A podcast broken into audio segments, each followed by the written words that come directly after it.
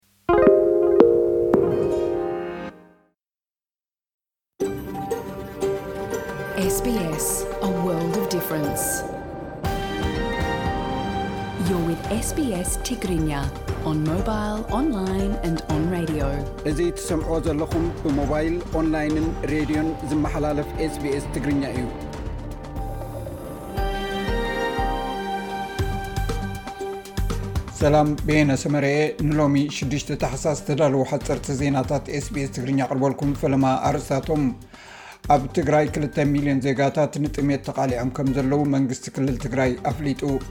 ውድብ ሕቡራት ሃገራት ኣብ ቓዛ ኣብ ዝርከብ መዕቆቢታቱ ንዝርከቡ ሰባት ውሕስነት ክኾኖም ከም ዘይክእል ገሊጹ። ፋይናንሳዊ ጸቕጢ ኣብ ጥዕና ኣእምሮ ናይቶም ኣብ ሓደጋ ዝርከቡ ጉጅለ ሕብረተሰብ ከም ዝለዓለ ተረጋጊጹ።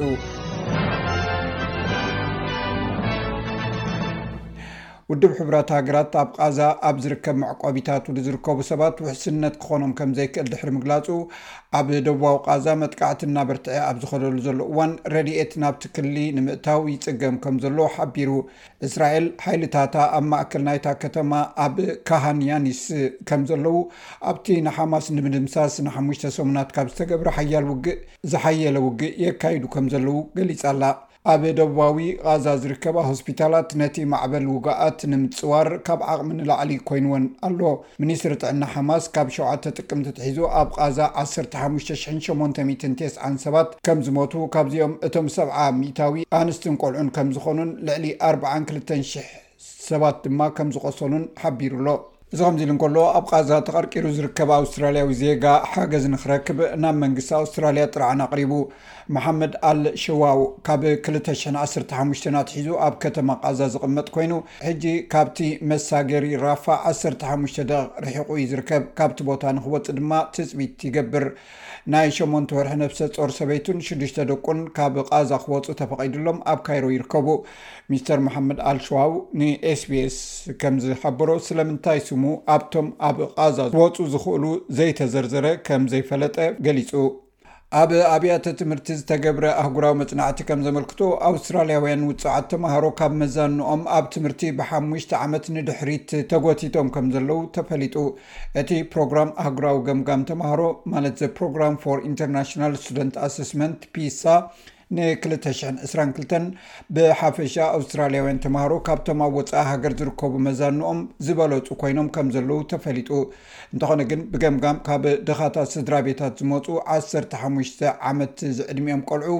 ኣብቲ ሕመረት ትምህርቲ ንድሕሪት ተጎቲቶም ኣለዉ ኣብ ሕሳብ ስነ ፍልጠትን ምጥፋእ መሃይምነትን ኣብ ገምጋም እንተለዉ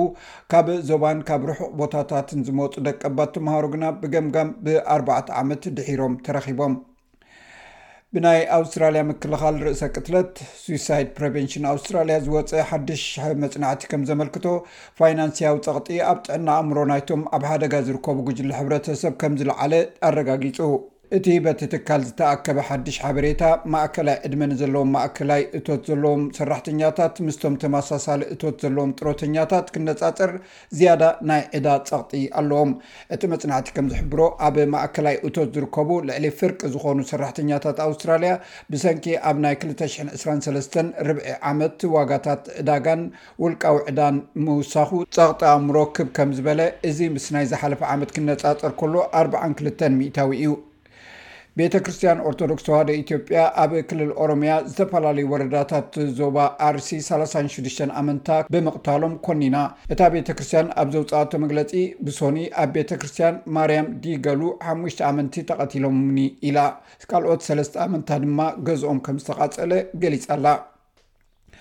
ኣብ ትግራይ ክልተ ሚሊዮን ዜጋታት ንጥሜት ተቓሊዖም ከም ዘለዉ መንግስቲ ክልል ትግራይ ኣፍሊጡ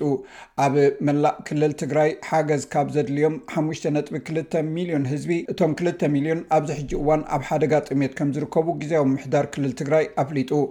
ኣብ ትግራይ ብሰንኪ ጥሜት ዝመፅእ ሞት በብመዓልቱ እናወሰኸ ይኸይድ እኳ እንተሎ መንግስቲ ይኹን ለገስቲ ንጥሙያት ከም ይድግፉ ከም ዘለው እቲ ምምሕዳር ገሊፁ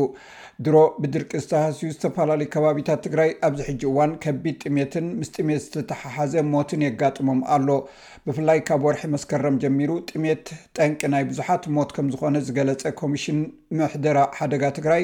ብሓፈሻ ኣብቲ ክልል ዝወረደ ጉድኣት ምስ ፌዴራል መንግስቲ ብሓባር ይፅናዕ እኳ እንተሎ ኣብ ኣበርገለ ሰማንያን ሰለስተን፣ ኣብ ኣፅቢ ስሳን ሽዱሽተን፣ ኣብ ከባቢ ጉሎ መኸዳ፣ ኢሮብን ሰብዓን ሸውዓተን፣ ኣብ ከባቢ ጻሕማ ድማ ዕስራን ሓሙሽተን ህጻናት ዝርከብዎም ክልተ ሚእትን ሸሞንተን ሰባት ብጥሜት ከምዝሞቱ ተረጋጊጹ ኣሎ። ኣብ ትግራይ ካብ ዘለዉ ሓገዝ ዘድልዮም ሓሙሽተ ነጥቢ ክልተ ሚልዮን ህዝቢ፣